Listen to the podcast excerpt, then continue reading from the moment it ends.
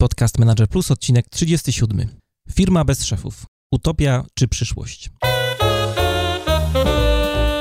Cześć czołem, witam Was w 37 odcinku mojego podcastu Manager Plus przy mikrofonie Mariusz Hrabko, a to jest audycja o tym, jak zwinnie zarządzać sobą i biznesem.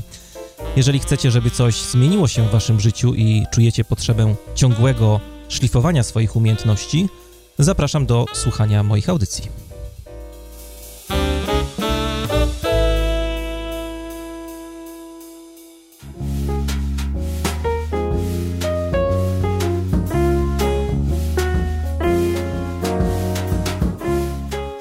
Dwa lata temu brałem udział w tygodniowych warsztatach, które dotyczyły tematu holakracji. Warsztaty odbywały się w Amsterdamie w bardzo e, urokliwym miejscu w hotelu Grand w centrum miasta. O holakracji pisałem już kilka razy na blogu. Nagrałem też specjalny odcinek podcastu poświęcony właśnie temu tematowi. Wszystko oczywiście podlinkuję w materiałach do dzisiejszej audycji. A wracając do warsztatów, warsztaty miały e, na celu wtajemniczyć nas w rolę facylitatora holakracji. Jest to jedna z kilku ról, która wspiera prowadzenie spotkań governance i spotkań taktycznych w tym modelu. No, rola bardzo ważna, bo wiąże się z facylitacją procesu. Trzeba zachować pewną neutralność, zimną krew, nie, nie wtrącać się w pracę grupy, nie narzucać ludziom swojego zdania, swoich rozwiązań. No i to wszystko właśnie na tych warsztatach ćwiczyliśmy. Przez kilka dni siedziałem w grupie z bardzo sympatycznym Belgiem, Frederikiem Lalou, który był niesamowicie bezpośredni, miał duże poczucie humoru w zasadzie każdego dnia. I pamiętam, że co chwilę zarządzał Time for Hugs, taki czas na przytulanie. Wstawaliśmy i ta grupa się przytulała.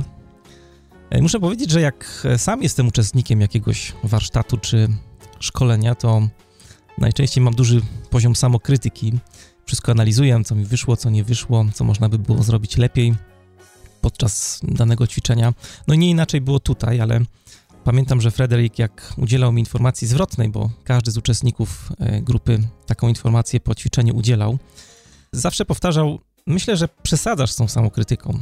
Daj spokój, nie, nie było wcale aż tak źle. E, z Frederikiem kojarzy mi się jeszcze jedna rzecz. E, książka z niebieskimi motylami na okładce, która już pierwszego dnia krążyła po naszym stoliku w grupie. Książka miała tytuł Reinventing Organizations i jak się okazało, jej autorem był właśnie Frederick. Wieczorem w hotelu załadowałem już ją na Kindle, no i zacząłem czytać. W zasadzie to było pierwszego dnia i był to bardzo kiepski pomysł, bo przychodziłem na zajęcia mocno niewyspany. Książka została przetłumaczona również na język polski. Polski tytuł to Pracować inaczej. Tutaj duże ukłony w stronę tłumacza pana Marka Konieczniaka, który naprawdę zrobił świetną robotę i bardzo E, fajnie i bardzo trafnie e, oddał sens tej książki w języku polskim. Mm, Lalu w swojej książce opisał 12 firm i instytucji, które są zarządzane w sposób, o którym pewnie nie śniło się wielu polskim menedżerom, ale myślę, że nie tylko polskim menedżerom. To są firmy w stanie takiej ciągłej zmiany, w których zespoły same zarządzają swoją pracą. E, takie organizacje nie mają kierowników projektów, nie mają spotkań dyrektorskich, a zarządzanie tymi firmami zostało drastycznie uproszczone. E, nie istnieją plany, nie istnieją budżety, jest pełna przejrzystość informacji i nawet wynagrodzenia są ustalane przez pracowników. W jaki sposób działają takie firmy? E, jakie są korzyści z tego typu organizacji? Co opisane w Pracować Inaczej firmy mają wspólnego z kolorami? O tym właśnie będziemy rozmawiać w dzisiejszej audycji. A notatki do programu tradycyjnie znajdziecie na stronie mariuszchrapko.com ukośnik 037 a jeżeli e, podoba Wam się ten podcast, to mam też do Was wielką prośbę. Tradycyjnie zresztą we wpisie do audycji zamieściłem link do podcastu Manager Plus w iTunes, gdzie możecie zostawić swoją e, sympatyczną ocenę w formie gwiazdek lub krótkiej recenzji. Bardzo mi na tym zależy, bo dzięki Waszym głosom, dzięki Waszym opiniom mój program będzie bardziej zauważalny w wyszukiwarce iTunes, a dzięki temu będę mógł też docierać do jeszcze szerszego grona odbiorców. Z góry Wam bardzo dziękuję za pomoc. No a teraz zapraszam do poradnikowa, w którym Michał Jaworski, tym razem z podcastu Więcej niż zdrowe odżywianie, e, przygotował specjalnie dla Was, dla słuchaczy podcastu Manager Plus, mini poradnik Zdrowe odżywianie dla zabieganego menedżera. Bardzo polecam.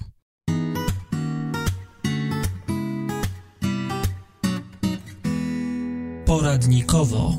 Cześć, ja nazywam się Michał Jaworski, jestem autorem podcastu Więcej niż zdrowe odżywianie i współautorem bloga o tej samej nazwie.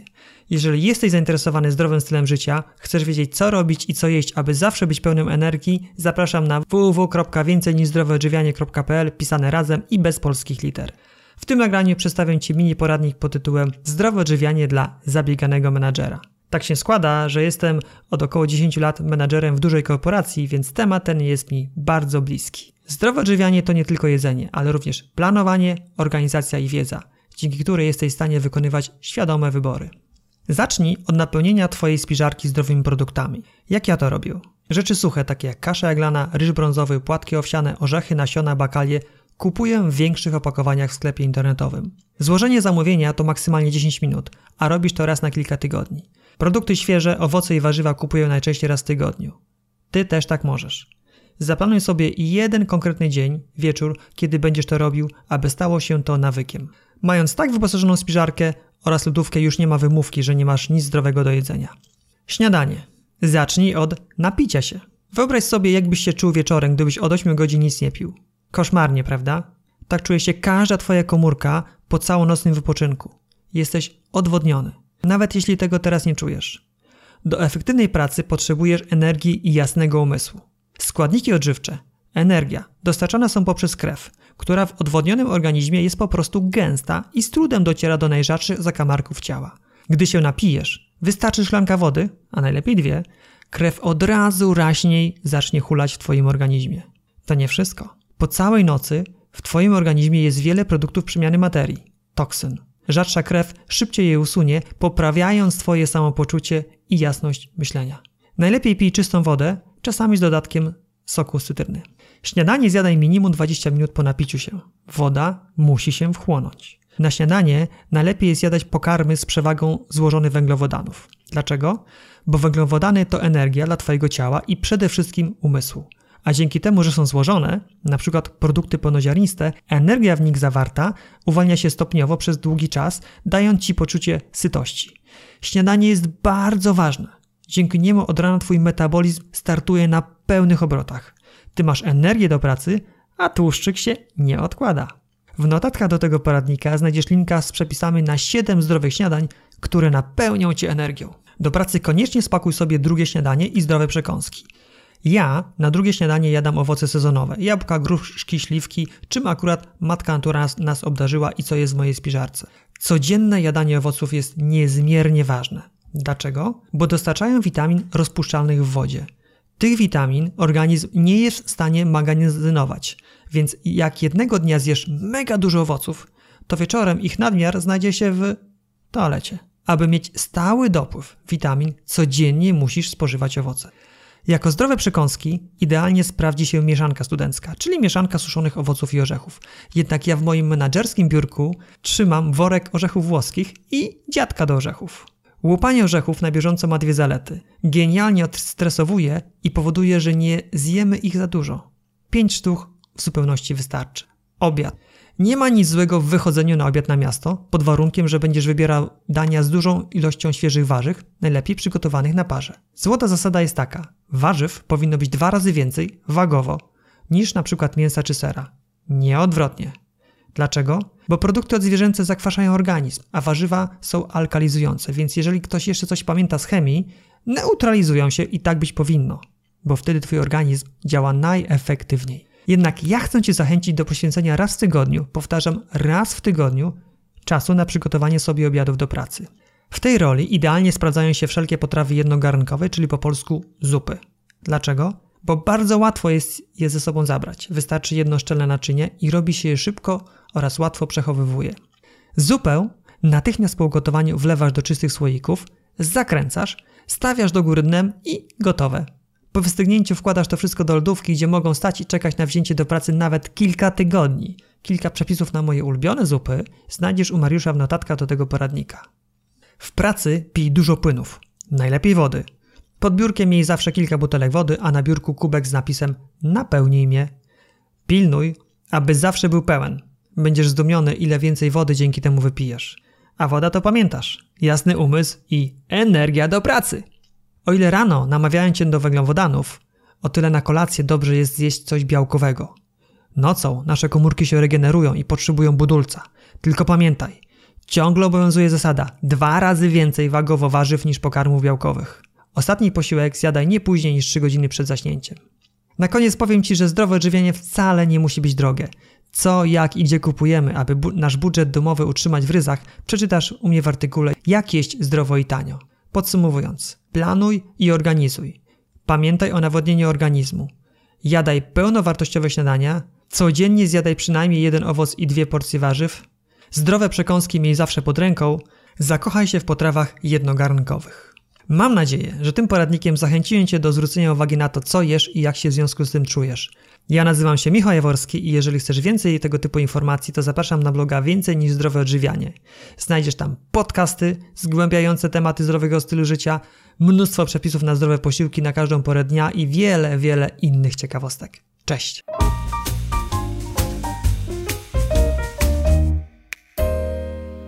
Rozmowa to jest podcast Manager Plus. Dzisiaj w audycji będziemy rozmawiali o firmach bez szefów, firmach, które są w stanie ciągłej zmiany i w których pracownicy sami organizują swoją pracę.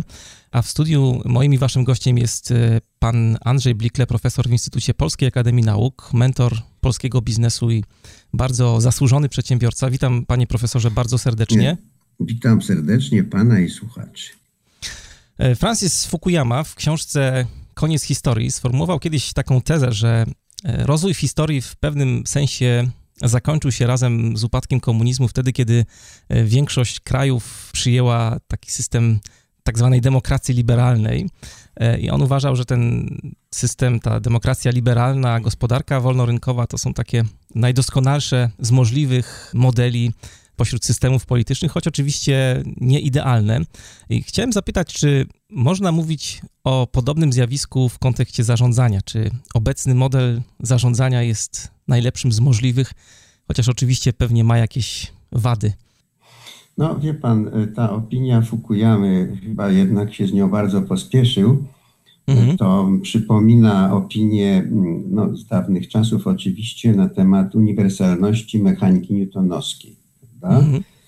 To jest bardzo piękna teoria, mechanika newtonowska i kiedy ją ogłoszono, no to uznano, że właściwie wszystkie zjawiska fizyczne świata można opisać przy pomocy tej teorii.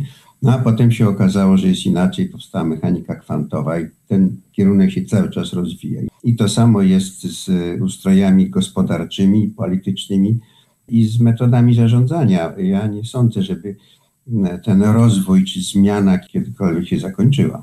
Mhm. A Frederick Laloux w swojej książce y, Pracować Inaczej, książce, która wywołała sensację, można powiedzieć, od y, dnia premiery, opisał 12 bardzo takich dziwnych organizacji, firm, które, także instytucji, y, które działają w Europie, w Stanach Zjednoczonych i te organizacje są absolutnie niesamowite. Chciałbym o nich dzisiaj trochę porozmawiać, bo nie ma w nich szefów, nie ma kierowników liniowych, centrala w zasadzie jest ograniczona do minimum. Nie ma działu kadr, działu planowania, działu technicznego, e, działu produkcji. Wszystko jest skupione na zespołach, które same organizują swoją pracę, same rekrutują pracowników, same robią zakupy, same planują.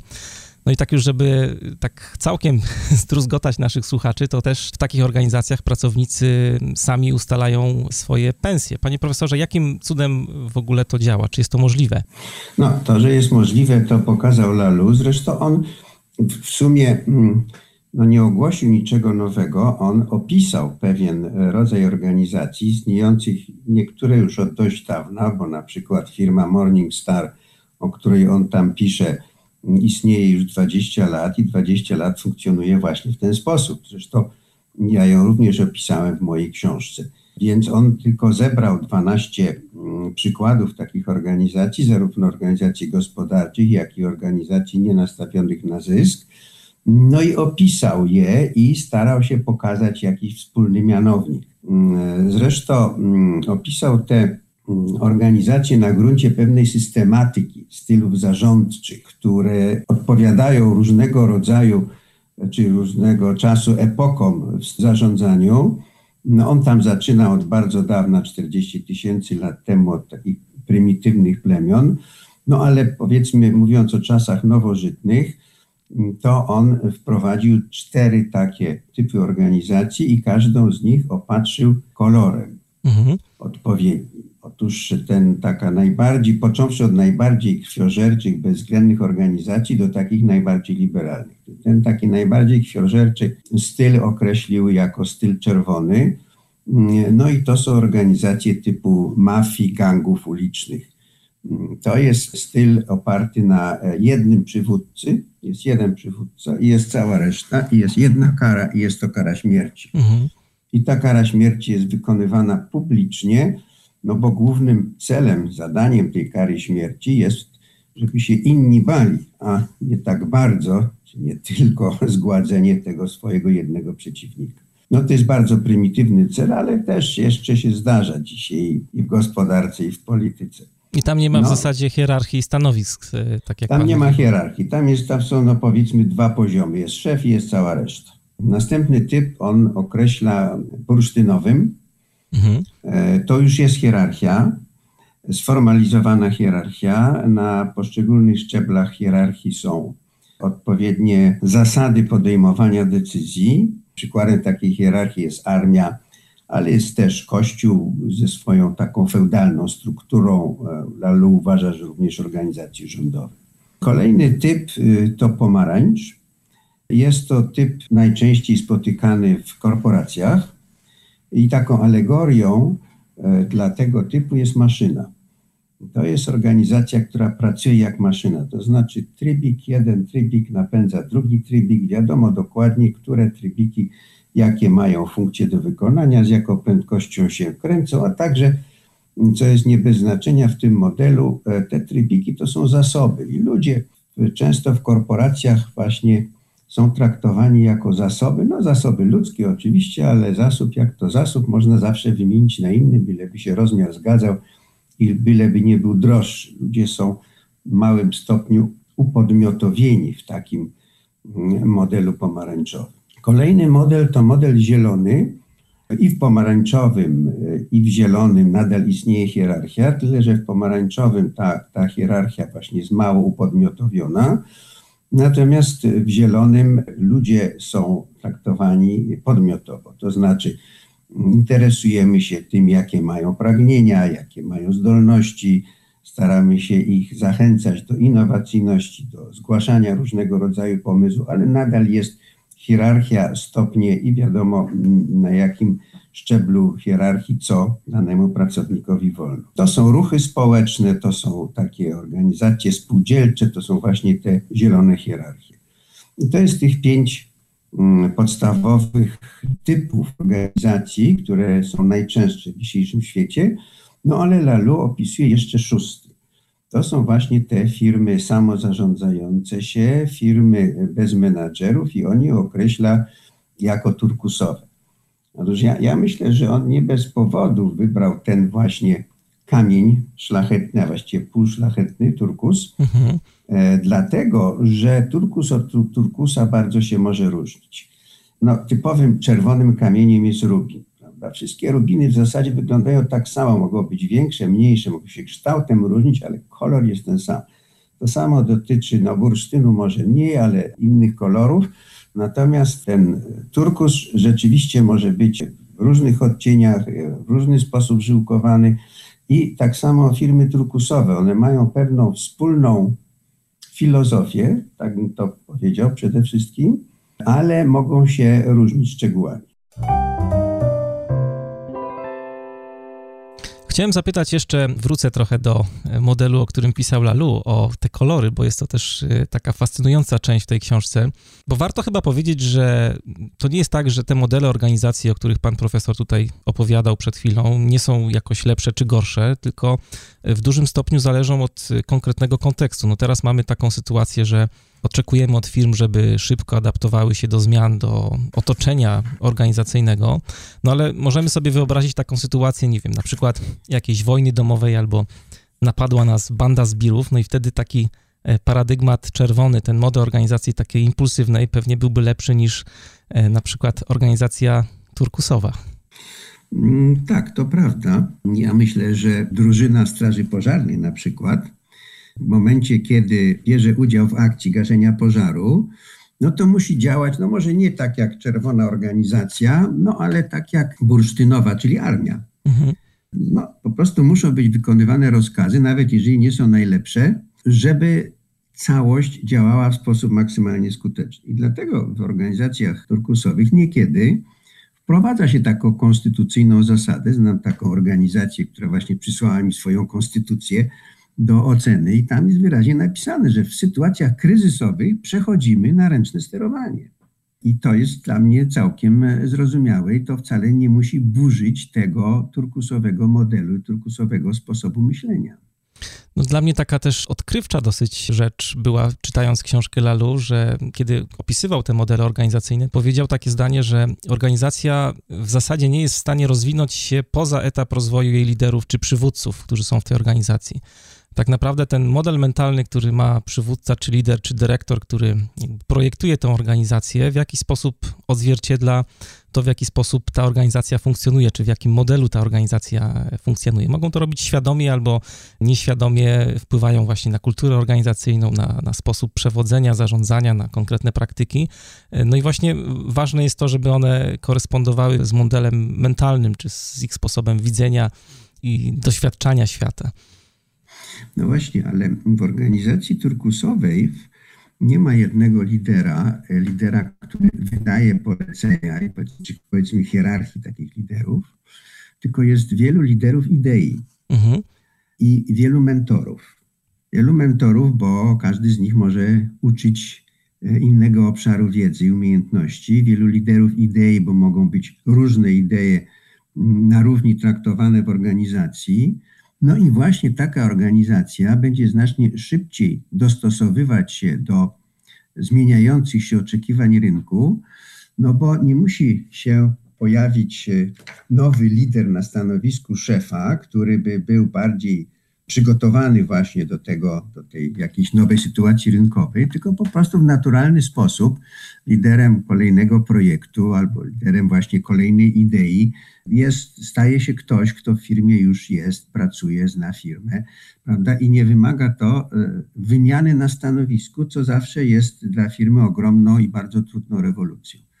Ja myślę, że dlatego firmy turkusowe mm, są znacznie bardziej elastyczne jeżeli chodzi o odpowiadanie na zmieniające się potrzeby rynku.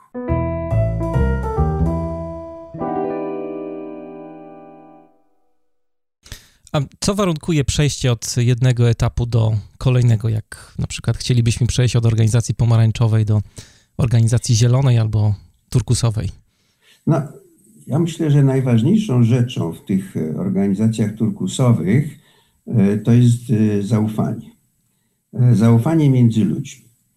E, zbudowanie takiego środowiska, w którym ludzie mają zaufanie, ale nie tylko mają, ale mogą je mieć, mm, to nie jest wcale łatwe zadanie. Niektóre z tych organizacji turkusowych, które opisuje Lalu, powstawały od samego początku jako turkusowe. No więc zaczynało się od tego na przykład ta e, największa w tej chwili przetwórnia pomidorów, Morning Star, którą założył Amerykanin Chris Raffer po tym, jak skończył Harvard Business School, więc no jedno z najlepszych na świecie szkół biznesowych. On założył firmę jednoosobową, kupił ciężarówkę i zaczął kupować pomidory od farmerów i sprzedawać je potem wytwórniom. No ale potem dobrał sobie kolejnego pracownika czy wspólnika, bo oni w zasadzie są wszyscy wspólnikami. No i powiedział mi, słuchaj, no ja mam propozycję, żebyśmy pracowali w ten sposób, że mamy do siebie zaufanie, dzielimy się pracą, potem dzielimy się jakoś tymi pieniędzmi. No i potem dobrał trzeciego i tych dwóch powiedziało trzeciemu i tak doszedł do firmy, która ma w tej chwili mm, bodajże 400 pracowników stałych i 2000 sezonowych. To jest taka droga organiczna, która wydaje mi się łatwiejsza od drogi polegającej na przekształcaniu jakiejś e, organizacji o takim no, tradycyjnym kształcie do organizacji turkusowej. Ale to jest możliwe. Ja obserwuję taką właśnie organizację, z którą e, pracuję, współpracuję od mniej więcej dwóch lat i która właśnie z e, bardzo sympatycznej zresztą firmy informatycznej, niedużej, ale takiej tradycyjnie zarządzanej, no dziś można już powiedzieć, że są w dużej mierze turkusowi. No ta turkusowość polega na tym, że ludzie mają do siebie zaufanie i mogą mieć do siebie zaufanie, I w związku z tym, zamiast podejmowania decyzji albo w drodze jakiegoś głosowania większościowego, albo poprzez kierownika, czy szefa, czy kogoś, kto ma prawo do podejmowania takich decyzji, ale nie zawsze jest e, najlepszym fachowcem w obszarze decyzji, którą podejmuje, no to tutaj zasada jest taka, że decyzje podejmują ci, którzy się najlepiej na niej znają, reszta ma do nich zaufanie. Ma zaufanie zarówno do ich kompetencji, jak i do ich uczciwości. To jest niezwykle ważne.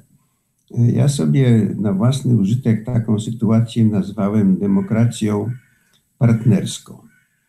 I tutaj mhm. może mm, przypomnę, co na temat demokracji większościowej, takiej klasycznej demokracji. Czasami się mówi, że to jest demokracja ateńska, bo demokracja parlamentarna, prawda, tam gdzie większość decyduje przy podejmowaniu decyzji.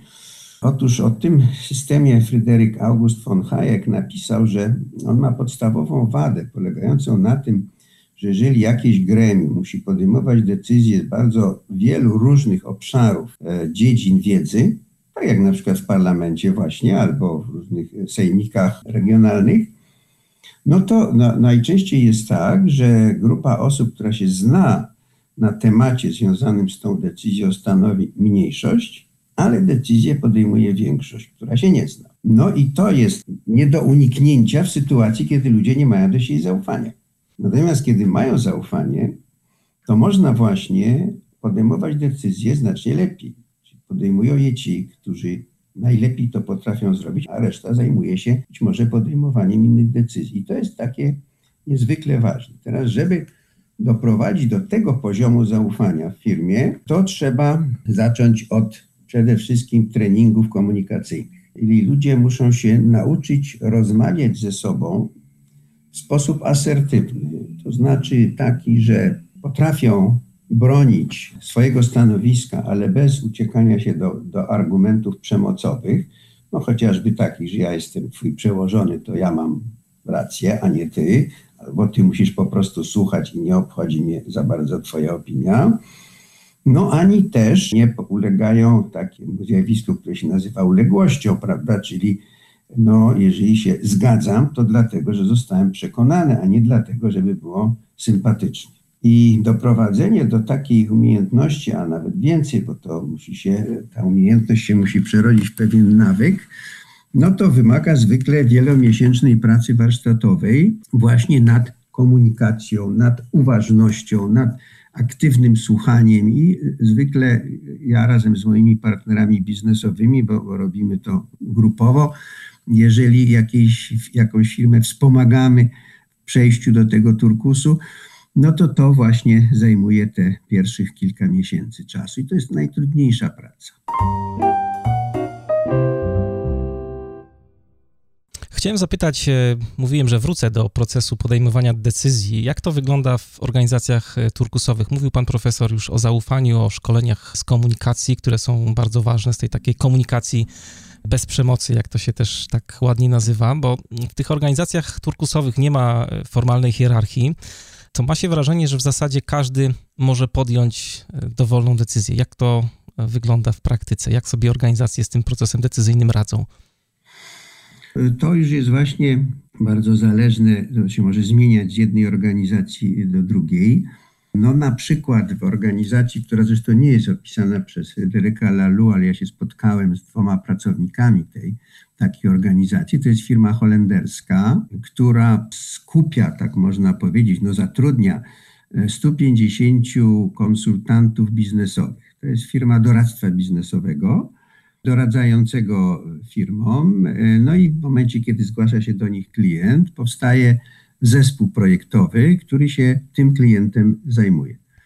Do tego zespołu projektowego zgłaszają się ludzi, którzy akurat nie są bardzo zaangażowani w innych zespołach, którzy uważają, że mają dostatecznie dobre kompetencje, żeby się akurat tą firmą zająć, no bo to też w jakiejś mierze zawsze zależy od, od branży danej firmy.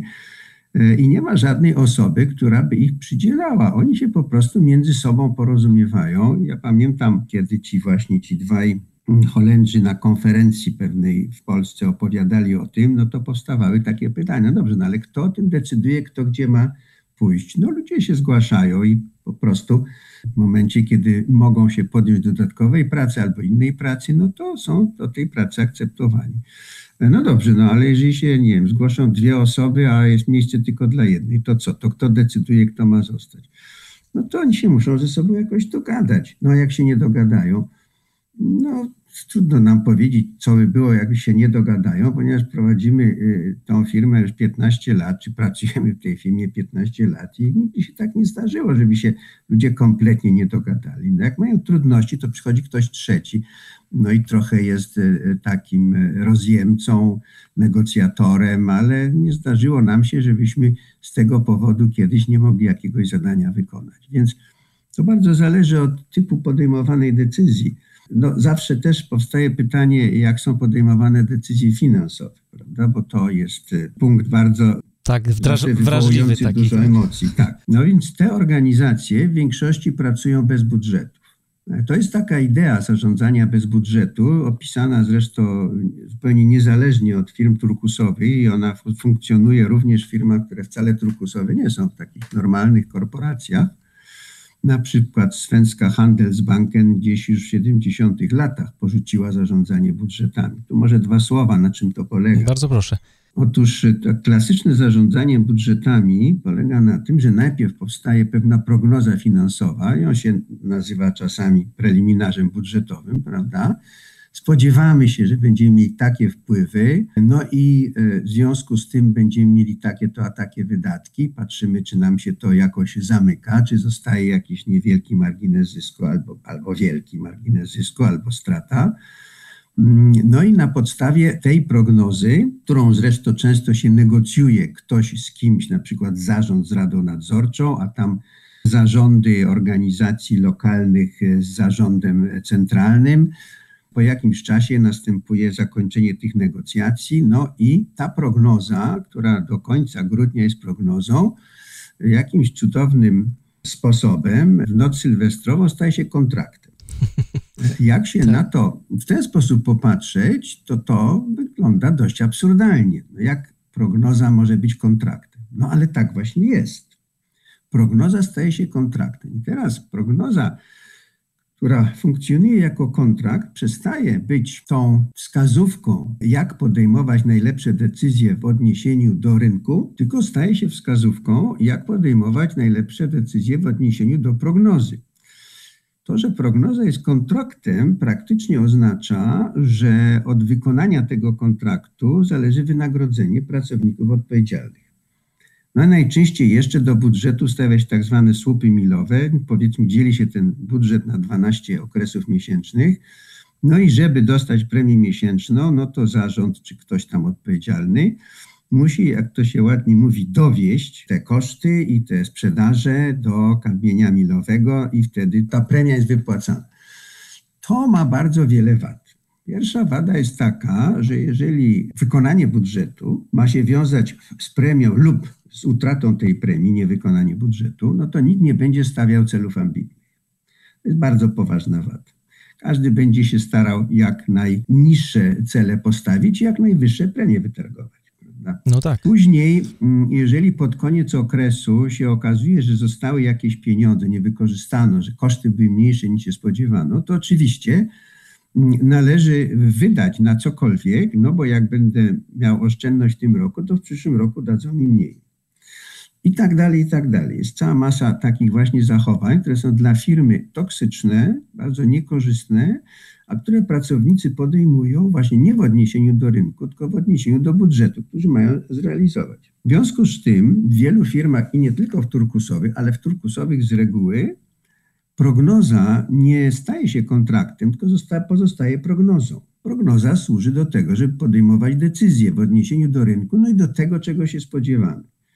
Prognoza pogody dla kapitana żeglowca służy do tego, żeby on wiedział, czy włożyć, czy, czy, czy prawda, postawić większe żagle, czy mniejsze żagle, czy ewentualnie ominąć jakiś obszar morza, gdzie może być sztorm. I tak samo powinna być traktowana prognoza finansowa. I bardzo dużo jest organizacji na świecie, korporacji, mówię o dużych korporacjach, DHL między innymi, IKEA, które właśnie odeszły od budżetów kontraktowych No i to są te decyzje znowu w organizacjach turkusowych, które są podejmowane przez ludzi odpowiedzialnych za dany wydatek. I na przykład w tej firmie przetwórstwa pomidorów zasada jest taka, że jeżeli musisz ponieść wydatek w celu, który jest niezbędny do tego, żeby, żebyś wykonał swoje zadanie dla klienta, no to go ponosisz. Nie musisz się nikogo szczególnie o to pytać. Jak musisz kupić pomidory, jak musisz kupić butelki, to po prostu to robisz. Mm, jeżeli masz pomysł na jakąś inwestycję, no to wtedy mm, przedstawiasz taki biznesplan no, z takimi wszystkimi elementami, które dobry biznesplan powinien zawierać.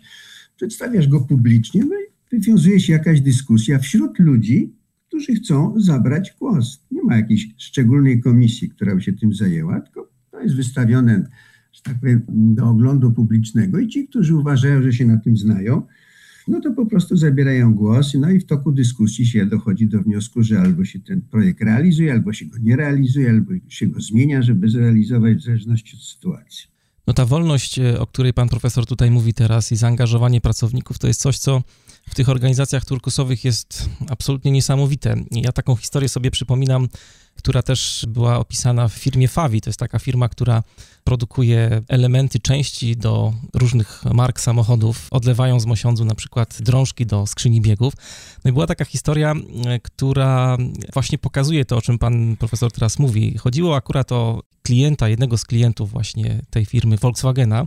No i była taka historia, że zepsuła się maszyna. Jeden z tych robotników w fabryce, e, bez pytania o zgodę prezesa czy dyrektora, zatrzymał maszynę, bo wydawało mu się, że coś jest nie tak z tymi drążkami. Taki koszt zatrzymania to wszyscy wiemy, że jest bardzo duży, więc on tą decyzję podjął sam. No i okazało się, że wszystko jest w porządku z tymi drążkami, ale gdzieś tam jednak głęboko miał takie poczucie, że chyba coś jest nie tak. No i z kolegami z zespołu w zasadzie sprawdził jakąś partię, którą wyprodukowali.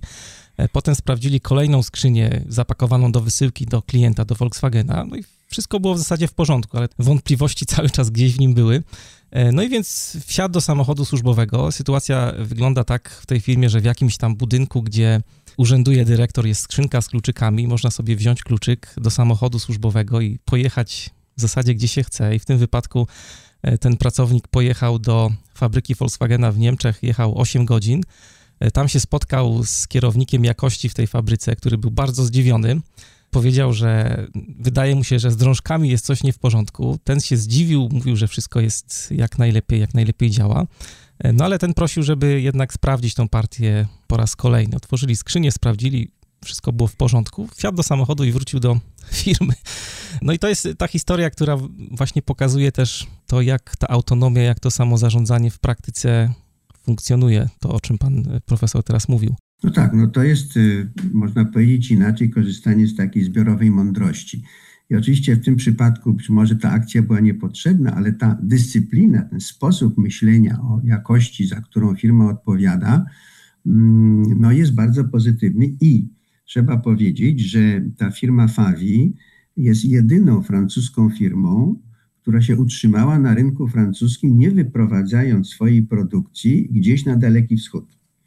Bo było kilka firm francuskich, które się właśnie zajmowały dostarczaniem takich elementów mosiężnych dla przemysłu, i one wszystkie nie wytrzymały kosztów mm, swoich produkcyjnych funkcjonowania we Francji i wyprowadziły się gdzieś właśnie no, do dalekich krajów wschodnich.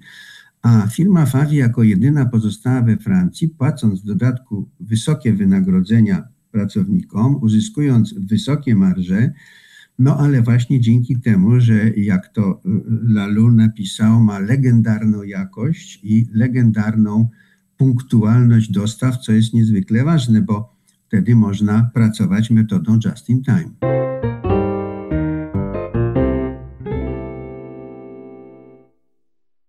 Mówiliśmy wcześniej, że temat budżetu jest e, tematem wrażliwym, ale jeszcze jest drugi temat dotyczący finansów, który też wzbudza sporo kontrowersji, to jest kwestia wynagrodzeń. Jak e, to wygląda w organizacjach e, turkusowych? No to znowu może być różnie. Często jest tak, że i tak na przykład jest w tej firmie duńskiej, i tak jest w tej firmie pomidorowej, że po prostu wszyscy zarabiają tyle samo, ponieważ mają, wszyscy mają to samo stanowisko, które się nazywa pracownik. To, że mają to samo stanowisko, wcale nie oznacza, że się tym samym zajmują. No bo w tej firmie przemysłowej przetwarzającej pomidory, no jedni się zajmują wyciskaniem soku, drudzy się zajmują konserwacją tegoż soku, inni się zajmują naprawą maszyn, utrzymywaniem ich w ruchu, a jeszcze inni księgują i sprzedają i, i zajmują się marketingiem. Ale wychodzi się z założenia, że no, każde z tych stanowisk jest jednakowo potrzebne i nie ma żadnego specjalnego powodu, żeby jednym ludziom płacić więcej, a drugim mniej. No oczywiście można powiedzieć, no ale przecież ci kończyli studia, a ci może studiów nie kończyli, ale w tej chwili dobry pracownik, który nie ma skończonych studiów, tylko doskonale zna się na tym, co firma robi, może być z jakiegoś punktu widzenia równie czy tyle samo warty, co pracownik po wyższych studiach, który też przecież musiał w firmie nauczyć się tego sposobu funkcjonowania firm i dostosować swoją wiedzę wyniesioną z wyższych studiów do tego, co w firmie jest potrzebne. Więc mm, Wiele organizacji w ten sposób działa, wiele, no, wiele spośród turkusowych oczywiście, bo taki system nie jest jeszcze powszechny, no ale mogę tutaj przytoczyć też organizację, która nie potrafię powiedzieć, czy jest turkusowa w tej chwili, ale ja ją też w mojej książce opisałem. To jest taka druga na świecie co do wielkości firma rekrutacyjna, nazywa się Egon Zender International. To jest firma, która ma bodajże 60 oddziałów na całym świecie. Firma, która się zajmuje rekrutowaniem e, na stanowiska no, zarządcze, wysokie stanowiska kierownicze, czasami cały zarząd mogą dla jakiejś e, firmy zrekrutować, a nawet kiedyś im się zdarzyło dla jakiejś republiki afrykańskiej cały rząd zrekrutowali. No i teraz tam, w tej firmie e, wynagrodzenia są 70% wynagrodzeń chodzi z równego podziału zysku dla całej firmy na całym świecie, a 30% jest zróżnicowane w zależności od stażu pracy w danej firmie. Może być i taki system. No ale generalnie y, jest tak, że to w jakiejś mierze pracownicy decydują o tym, kto ile zarobi. No jest też taka firma w, w Pana książce z kolei, też która nie pojawiła się u Lalu, ale taka chyba pierwsza, która E, zaczęła stosować praktyki samozarządzania, to już pod koniec lat 50. jeszcze firma Algor, która znana jest pewnie wszystkim słuchaczom e, z mhm. produkowania tkanin Goretex, e, bardzo tak. znanych. No, no tak, i... no to jest firma, która pracuje metodą projektową z kolei i tam znowu nie ma żadnych działów, ani pionów, ani silosów, tylko powstaje projekt do zrealizowania jakiegoś zadania i grupa projektowa.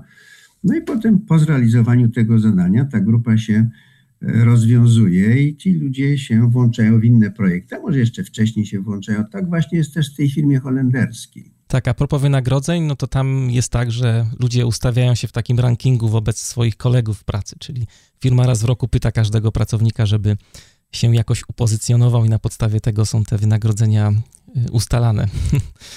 No tak, tutaj ja tego nie byłbym takim wielkim entuzjastą, bo to zaczyna dzielić ludzi takich, którzy są mniej warci, więcej warci, no ale tak jest w tej firmie.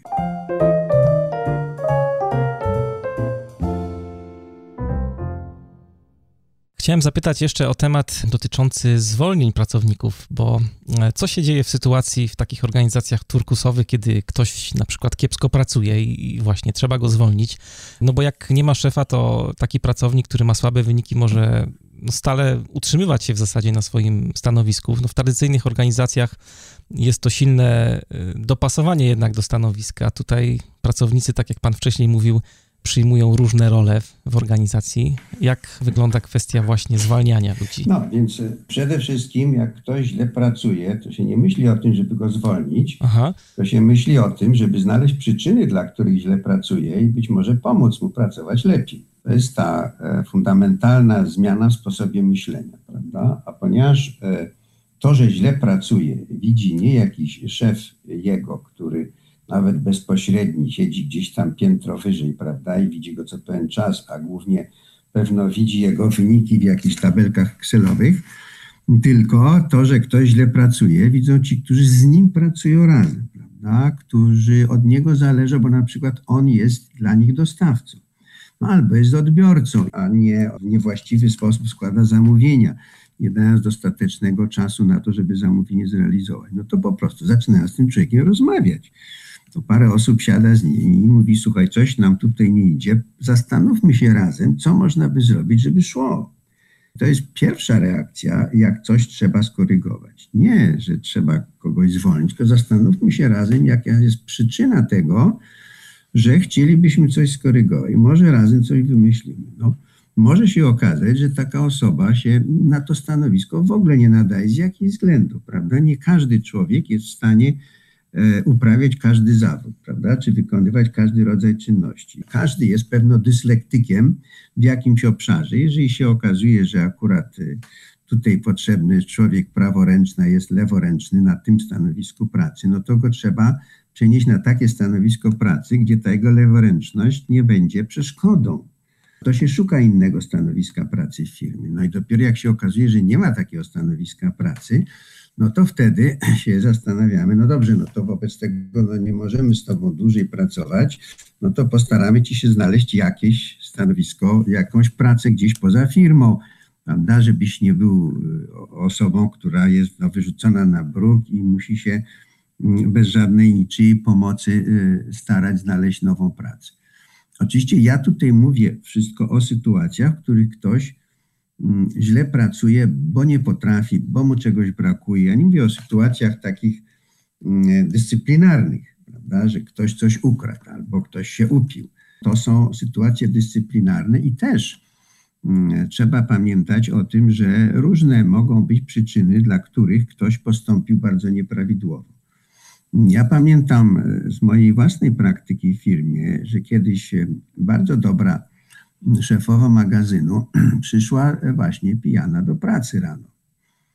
To jej się nigdy nie zdarzało, no więc jej przełożona, która była kierownikiem produkcji, wzięła ją na rozmowę i zapytała się, co się stało. No i okazało się, że ta kobieta wieczór poprzedzający to wydarzenie dowiedziała się, że jej mąż ma chorobę nowotworową, bardzo zaawansowaną. No, oboje się dowiedzieli o tym.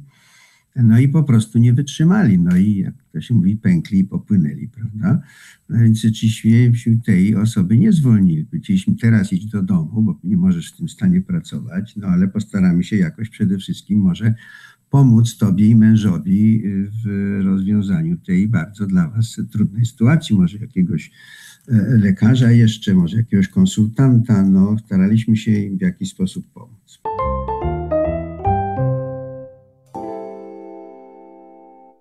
Jacek Santorski twierdzi, że w Polsce nadal pokutuje taki feudalny system zarządzania i że polskie firmy w zasadzie nie dorosły jeszcze do zmian. Chciałem zapytać, jak wyglądają realia w ogóle firm turkusowych w naszym kraju? Czy jest możliwa, możliwe wprowadzanie organizacji turkusów w Polsce?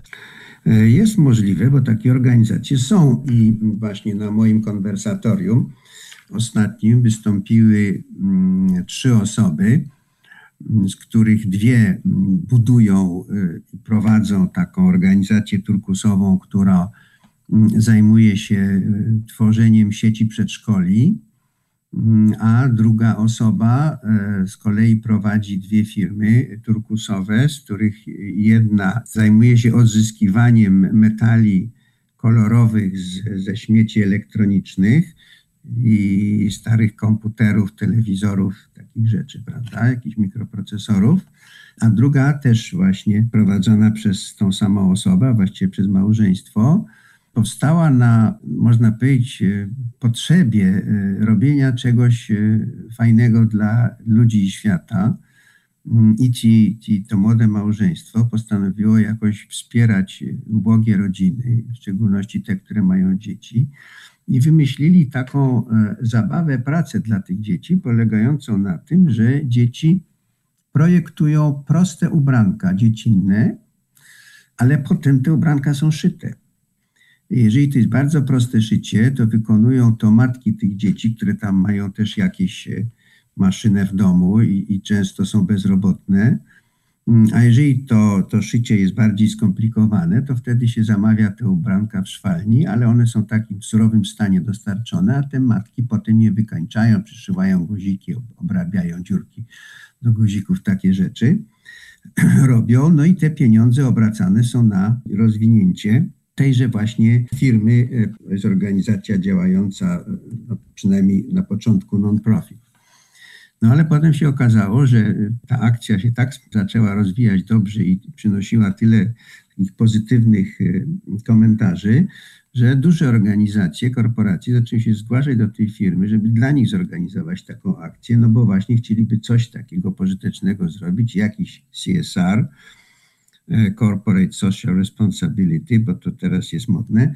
No i oni zaczęli obok tej y, działalności skierowanej do dzieci oferować różnego rodzaju programy CSR-owe już dużym firmom.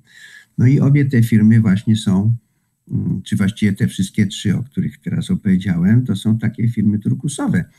E, więc jest to możliwe w Polsce i mm, ja myślę, że takich firm będzie coraz więcej, ponieważ one na rynku wygrywają z, z innymi. Ale to są takie firmy, z tego co pan tutaj mówi, raczej mniejsze w sensie jakby zatrudnienia, a zastanawiam się, co z organizacjami takimi typowo pomarańczowymi, jakimiś e, dużymi korporacjami, które już no, przez lata mają paradygmat zarządzania oparty na oranżu mimo wszystko.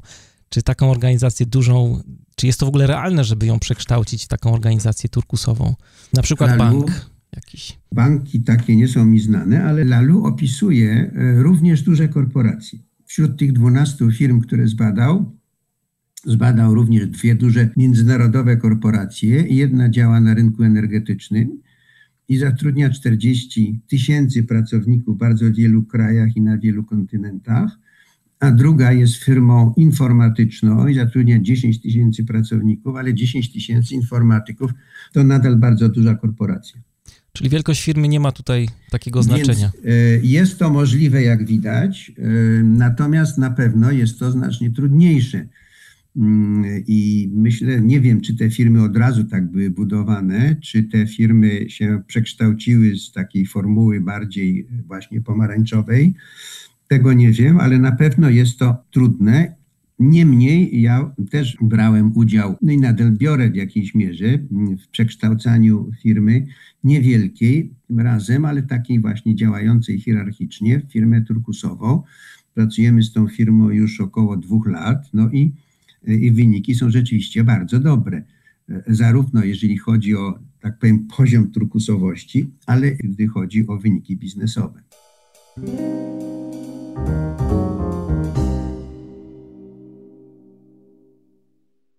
A co trzeba zrobić, żeby zacząć? Załóżmy, że jestem właścicielem firmy, która chciałaby e, faktycznie zbudować organizację taką turkusową. Czy są jakieś warunki konieczne, które muszą zostać spełnione, żeby w ogóle z taką zmianą wystartować?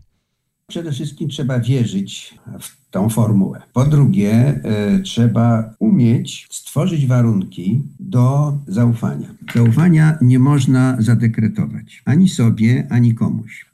Zaufanie do nas musimy zdobyć, ale musimy też stworzyć warunki do tego, żeby móc mieć zaufanie do innych. Jeżeli firma przypomina bardziej obóz pracy niż grupę wolontariuszy, no to oczywiście nie możemy tego zaufania tak z dnia na dzień zadekretować, bo prawdopodobnie ludzie to zaufanie wykorzystają przeciwko nam. Trzeba zacząć budować to zaufanie od podstaw. No i tak jak mówiłem, zacząć trzeba od umiejętności, od nabywania umiejętności dobrego dialogu, dobrej rozmowy aktywnego słuchania, asertywnych wypowiedzi. Jeżeli można to zrobić przy pomocy grupy psychologów biznesu, no to to będzie łatwiejsze i to będzie szybkie, ale to też jest nadal, może być praca na lata. Natomiast y, bardzo ciekawy y, przykład samodzielnego działania kogoś, kto przerobił dużą organizację, no blisko turkusu podejrzewam, jest opisany w książce ty tu dowodzisz, napisanej przez Michaela Abraszowa, komandora amerykańskiej marynarki wojennej. Otóż e, on w pewnym momencie został mianowany kapitanem najgorszej e, jednostki e, amerykańskiej floty wojennej, nosiciela rakiet, z załogą 1500 osób. I w ciągu kilkunastu lat zrobił z niego, z tego statku, okrętu, bo to wojenny, E, jednostkę najlepszą i tak dobrą, że przysyłano kapitanów innych okrętów, żeby odbywali u niego staż i przyglądali się, jak on tym swoim okrętem dowodzi. I on zrobił właściwie jedno. On zaczął z marynarzami rozmawiać, ale też musiał ich zachęcić do tego, żeby ci marynarze byli gotowi do rozmowy, do szczerej rozmowy z nim, bo przecież pamiętajmy, że rzecz się dzieje w wojsku, w armii, gdzie obowiązuje dyscyplina. On Czyli w takim bursztynie. Nie zrezygnował. No, w bursztynie tak, on z tej dyscypliny nie zrezygnował, bo przecież e, w wojsku nie może być tak, że żołnierz zaczyna e, dyskutować e, z dowódcą, kiedy otrzymuje rozkaz do wykonania. Nie ma o tym mowy, rozkaz się wykonuje, ale potem można o tym rozkazie porozmawiać. Na tym polega mm, turkusowość y, tego właśnie okrętu. I on doprowadził do tego, że marynarze zaczęli przychodzić do niego i z nim rozmawiać, nie stojąc na baczność, tylko z takim poczuciem, że ten kapitan jest gotów ich wysłuchać i wybaczyć im też, jeżeli zadadzą pytanie, które nie ma wielkiego sensu, czy które wskaże, że czegoś nie, nie wiedzą, co wiedzieć powinni. No ale żeby tych marynarzy zachęcić do rozmowy, mm, to on wymyślił dosyć prosty zabieg, mianowicie przeniósł się ze swoimi posiłkami z messy oficerskiej do messy marynarskiej. Siadał tam z nimi przy stołach, no bo jeżeli się rozmawia z kapitanem okrętu, jest czy tam marynarzem niższego szczebla, no to człowiek stoi na baczność, prawda, i tylko no, patrzy w oczy temu kapitanowi, żeby wykonać każde jego polecenie. A jak się siedzi przy wspólnym posiłku, to ta rozmowa wygląda inaczej. Więc podaję ten przykład, bo to bardzo dla mnie mm, ważny i ciekawy przykład osoby, która w pojedynkę w zasadzie, no musiał też oczywiście swoich oficerów namówić do takiego sposobu działania, no ale to był człowiek, od którego to się zaczęło i to się bardzo rzeczywiście udało. Tak, ale z tego, co pan mówi, to jest ten ktoś na początku, jest jakiś e, lider, czy dyrektor, czy właściciel firmy, który e, można powiedzieć, że jest w jakiś sposób, w cudzym słowie oczywiście, nawiedzony, czyli jest zarażony myśleniem takim turkusowym. E, I od tego się wszystko zaczyna, bo chyba ciężko by sobie było wyobrazić taką zmianę, gdyby ona była oddolna, jakby wyszła od pracowników, żeby wprowadzić takie samo zarządzanie w organizacji na przykład. Nie, niekoniecznie. Wie pan, mm, ja myślę, że taki lider idei to jest oczywiście jedna droga, może częstsza droga do organizacji turkusowej, ale no ja w mojej książce mam opisany przykład może troszkę inny, ale przykład też takiej daleko idącej transformacji e, firmy w kierunku firmy zarządzanej jakością. I to jest przykład e, Polmot Łomianki, firmy spod Warszawy, która w okresie PRL-u produkowała podzespoły dla FSO, dla przemysłu samochodowego, mm, i którą amerykańscy eksperci w latach, początek lat 90. E, ocenili jako firmę, której nic się nie da zrobić, którą trzeba zlikwidować, ponieważ maszyny zamortyzowane, już w bardzo złym stanie, pracownicy, bardzo niski poziom wykształcenia, no to trzeba po prostu firmę zlikwidować, e, budynki zburzyć, zaorać, wybudować coś nowego. No i przyszedł prezes, któremu właśnie polecono w ciągu dwóch lat firmę zlikwidować, no bo tam dużo ludzi, więc żeby były jakieś osłony, żeby tych ludzi nie zostali bez pracy. Ale trafił tam też japoński instruktor zarządzania jakością, który zajął się jednym tylko małym zespołem kobiet pracujących w paczkowalni, czyli w miejscu, gdzie one te różne podzespoły pakowały w kartony i adresowały, i to potem było wysyłane z fabryki. I w tym zespole on podpowiadając kobietom, zadając właściwe pytania, pytając się, co byście tutaj chciały poprawić, co wam przeszkadza najbardziej w waszej pracy, doprowadził do tego, że ten zespół zupełnie zrekonstruował swój sposób działania, powprowadzał różnego rodzaju drobne ulepszenia do swojej pracy. No i tak zachęcił tym prezesa, że e, Japończyk został zatrudniony do tego, żeby się wspólnie e, z całą załogą zająć całą firmą i firma została uratowana. To jest taki właśnie przykład oddolnej inicjatywy, która doprowadziła do sukcesu na tyle, na tyle wyraźnego, że reszta się zachęciła, reszta w tym i.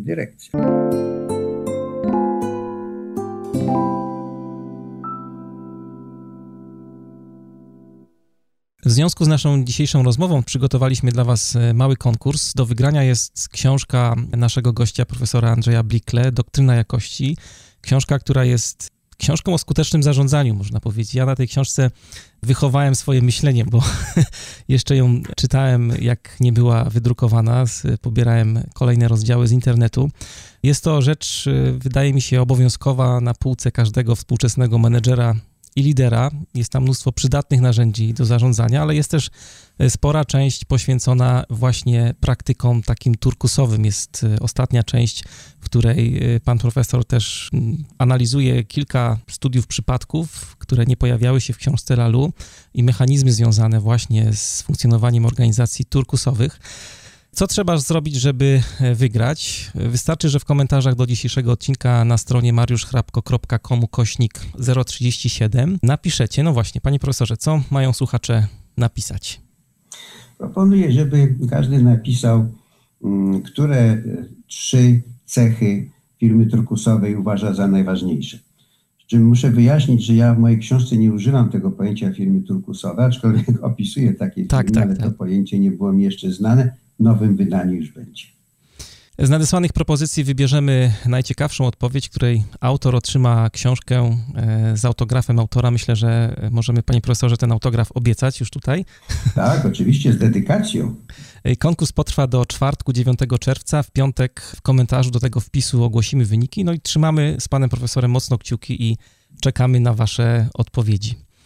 To jest podcast Manager Plus. Dzisiaj moim i waszym gościem był Andrzej Blikle, profesor w Instytucie Polskiej Akademii Nauk, mentor polskiego biznesu i bardzo zasłużony przedsiębiorca. Panie profesorze, bardzo dziękuję za inspirującą rozmowę. Dziękuję bardzo za uwagę. E, a ja was zostawiam z zespołem Blue Canu Records. E, Donna będzie bardzo jazzowo. Trzymajcie się, czekam na was za dwa tygodnie. Tymczasem.